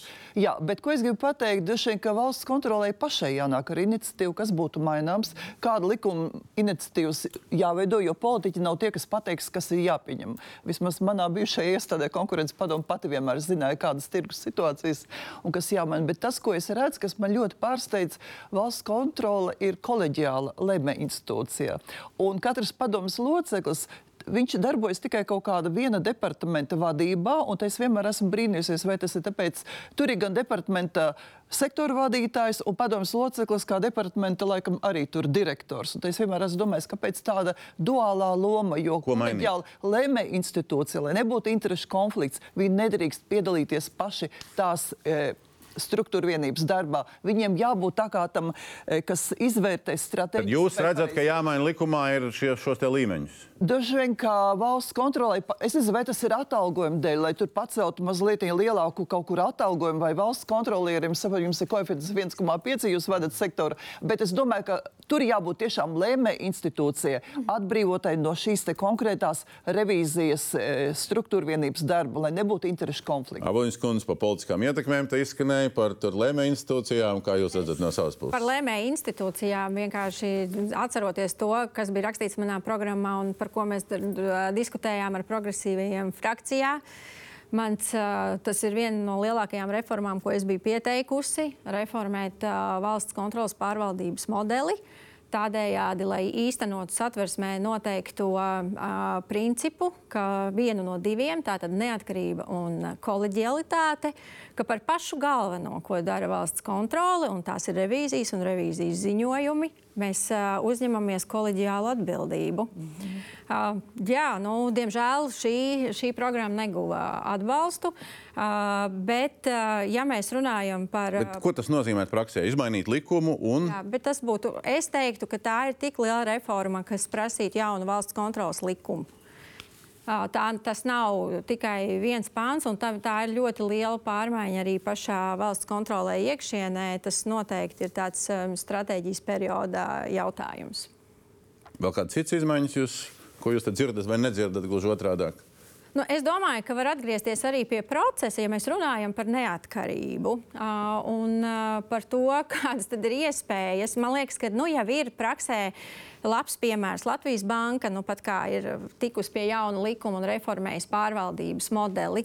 Tāpat tās domājot par to, kā vispār ir iespēja pieteikt savu kandidatūru, salīdzināju citu iestāžu regulējumu, piemēram, tiesības sarga gadījumā, kad tur jau likumā ir iestrādāta prasība iepriekš nosakot arī termiņus laicīgus, ka kandidātam obligāti iesniedzamais dokuments ir programma. Tāpēc nevis pa kaut kādām, es nezinu, zelta rokas rokas spiedieniem pēc amata pilnvaru termiņa beigām, bet drīzāk par šo būtu jādomā. Tā ir viena lieta. Vēl kas ir būtiski, ir arī attiecībā uz uh, rotācijas principu un par ietekmējamību. Un šeit es gribētu teikt tieši par diviem termiņiem. Tas ir tā, ir tā sliktā lieta, tādēļ, ka vadības loceklim ir jādomā par to, kā viņam tikt pārvēlētam nākamajā, nā, nākamajā termiņā. Tāpēc, manuprāt, labāks risinājums ir viens, bet garāks termiņš revīzija gadījumā tas pat. Savulaik tāds bija. Septiņi gadi, es atceros. Bija. Jā, un, un, un tad, manuprāt, katram vadītājam ir jāuztur savu profesionālā kvalifikācija, jeb, kā es saku, likviditāte darba tirgū, lai viņš ar savām prasmēm un kompetencēm pēc tam būtu noderīgs un, un, un, un tirgū un varētu konkurēt ar prasmēm, nevis ar to, ka viņš ir Čāginkungs. Katrai lietai sev ir plusi un, un, un mīnus. Savulaik jau valsts kontrolē tā sistēma, ko jūs sakat, tiešām, kas ir varbūt tāda bišķiņa. Uh, Bišķiņi no malas jancīgāk izskatās, ja tā drīkst teikt, uh, kur, teiksim, padomas locekļi, reizē arī departamenta direktori, tika izveidot tieši, lai šo te politisko neatkarību veicinātu. Proti, lai mums nebūtu tādas politiski ieceltas padomas, kas tikai ar padomas lietām nodarbojās, bet tas ir uh, padomas locekļi, veic arī reālu darbu. Un, uh, jebkurā gadījumā, tas, kas ir valsts kontrolē, kā šobrīd ir uzbūvēts, uh, jebkurā gadījumā ir svarīgs ir tas, ka uh, ir iestrādāts gan par to, ka uh, lēmumu par revīzijas ziņojumu nepieņem viens cilvēks, jebkurā gadījumā, ka ir iespējas apstrīdēt institūcijām revīzijas ziņojums. Līdz ar to šie mehānismi ir. Vai tie ir vissekmīgākie un vai, vai šodienai atbilstošie? Protams, pilnīgi iespējams ir vieta diskusijai, ka ir labāki modeļi, bet nu, teikt, ka pašreizējiem modeļiem absolūti nav nekādas jēgas, nu, es, es tā nevarētu teikt. Kas ir jūsu rezumē? Es teiktu, bez tā, ko jūs teicat par atlases kārtības uh, uzlabošanu, man šķiet, ka būtu lielāks uzsvars jā, jāliek uz um, ietekmes palielināšanu. Jo nu, izdarot tik daudz darba vienā vai otrā revīzijā, gribās sajūtu, ka ar tiem ieteikumiem kaut kas tālāk tiek darīts, ka arī mēs kā sabiedrība par to labāk uzzinām. Arī kā valsts kontrole atgriežas un uh, izvērtē vēlreiz, un atkal mēs uzzinām, vai, vai tur kaut kāds progress ir, vai teiksim, tā ir onkoloģijas zaļā koridora efektivitāte, vai nu, nu, kur ir tā garantija, ka ar tiem ieteikumiem kaut kas tiks darīts? Man šķiet, ka tā, tas ir ļoti svarīgi, ka gan iestādes to uztver nopietni, gan arī mēs kā sabiedrība vairāk uzzinām par tiem rezultātiem. Par to uzzināšanu es uh, visu to sarunu gaidīju un, un, un nesagaidīju. Nu, mēs esam šobrīd interesantā situācijā, gan prokuratūra, gan, gan um, valsts kontrole tagad pārbaudīs uh, ministru prezidentu un viņa uh, līdzbraukušo cilvēku lidojumus vairāk gadu garumā. Un mēs esam situācijā, kad izdevumi ar sešciparu skaitļiem vairāku gadu garumā ir izdevumi, kurus lasot gadskārtējo valsts budžetu, nevar izlasīt. Viņi tur nav. Nav tāda pozīcija, spēcreisi uh, ministra kabineta ailē tas, kas man liktos, ka nevis valsts kontrole tur varbūt nojauš kaut ko, varbūt nenojauš, kur iet meklēt, ja? bet ka ir pilnīgi citas atvērtības un atklātības līmeņa gan budžets, gan daudzi citi procesi un dati un tam līdzīgas lietas, ka katrs var jebkurā sekundē ieiet iekšā un saprast un kļūt par mazo valsts kontrolieri. Jo tas atrisinātu daudz lietas. Tas arī uz likumības lietām. Jā, bet tas apgrūtinātu dzīvi arī tiem, kas pie varas dažos brīžos. Palīdzētu. Es domāju, nu, tad mainiet. Ne, ne, es nedzirdēju, jūs ierosinājumu mainīt šīs lietas. Pie varas nav tendēt uz kaut kādām negodprātīgām darbībām. Ei, nu, ej. Jā.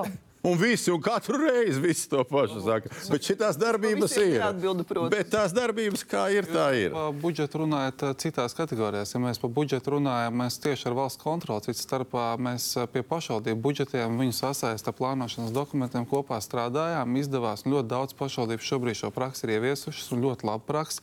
Šobrīd ir pienāks kārta arī tā skaitā ar valsts kontroli ievies šādu praksi nacionālā līmenī, budžeta līmenī, lai katrai rindiņai cilvēks varētu izsekot kādam attīstības plānam šī rindiņa ir paredzēta. Kāpēc tāda nauda vispār ir paredzēta? Ar interesi gaidīsim. Tas ir, tas ir izaicinājums. To izdarīt būs grūti. Rezumējam, ko Stukāna kungs, ko mums pēc gada un diviem būs jāpatina video, video pēc šīs sarunas kāda? Jā, redziet, es gribētu pievienot jums, es uzskatu, ka pat rītdien, ja būtu griba, mēs varētu to atšifrēt līdz katram eiro, katra institūcija, izmantojot informācijas tehnoloģijas.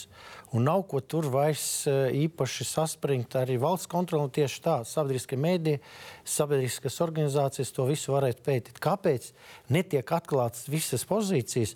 Jo labi, agrāk tas bija sarežģīti, papīrs un viss. Šodien tur nav nekādu problēmu. Tas pats ar visiem iepirkumiem.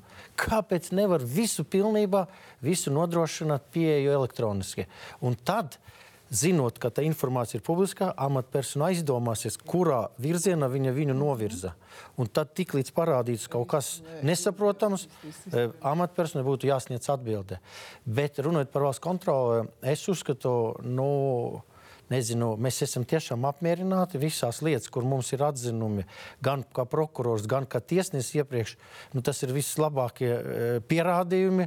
Un šajā aspektā es e, aicinātu neko nemainīt, mm -hmm. bet vairāk tādu atzinumu, kur tiek konstatēti konkrēti pārkāpumi, pret kuriem nav iespējams vairs neko pagriezt otrādi, un tad tas eh, cilvēks saņem attiecīgo novērtējumu. Tā kā tajā eh, ziņā man negribētos, lai tas mainītos vai samazinātos. Būtu forši, ja tas tieši tiek attīstīts. Tieši Bet tā. izmantot tehnoloģijas un atklāt valsts budžetu maksimāli līdz pat vienam eiro. Viena konkrēta lieta, ko jums, ja viņi paši nerosina, ko jums ierosināt politiķiem tūlīt pēc zvēras nodošanas.